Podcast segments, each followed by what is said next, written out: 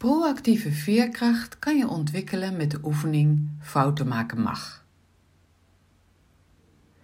Het succesvol halen van jouw doelen bereik je door stappen te zetten en vooruitgang te boeken. Als je nieuwe uitdagingen aangaat, is fouten maken onvermijdelijk. En fouten maken mag. Dit zijn gedachten die je daarbij kunnen helpen.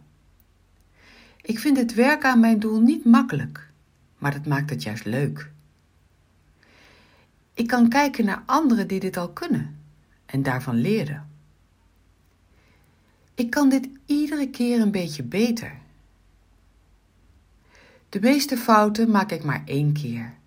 Daarna weet ik in ieder geval hoe het niet moet. Het vraagt moed van mij om fouten te mogen maken. Ik kan iedere keer kijken naar wat al beter gaat en dan weer een volgende stap zetten. Als je ergens beter in wil worden, dan helpt het om feedback aan anderen te vragen.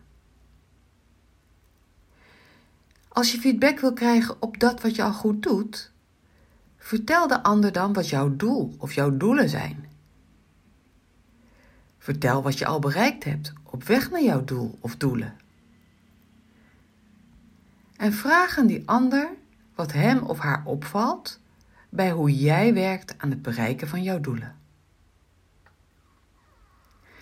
Als je meer wil leren van je fouten, geef dan bij de ander aan dat je het nog moeilijk vindt of nog niet zo goed kunt.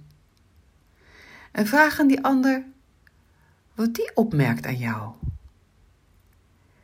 En als laatste, denk eens na over de feedback die je hebt gekregen. Hoe kun je dingen anders of beter doen?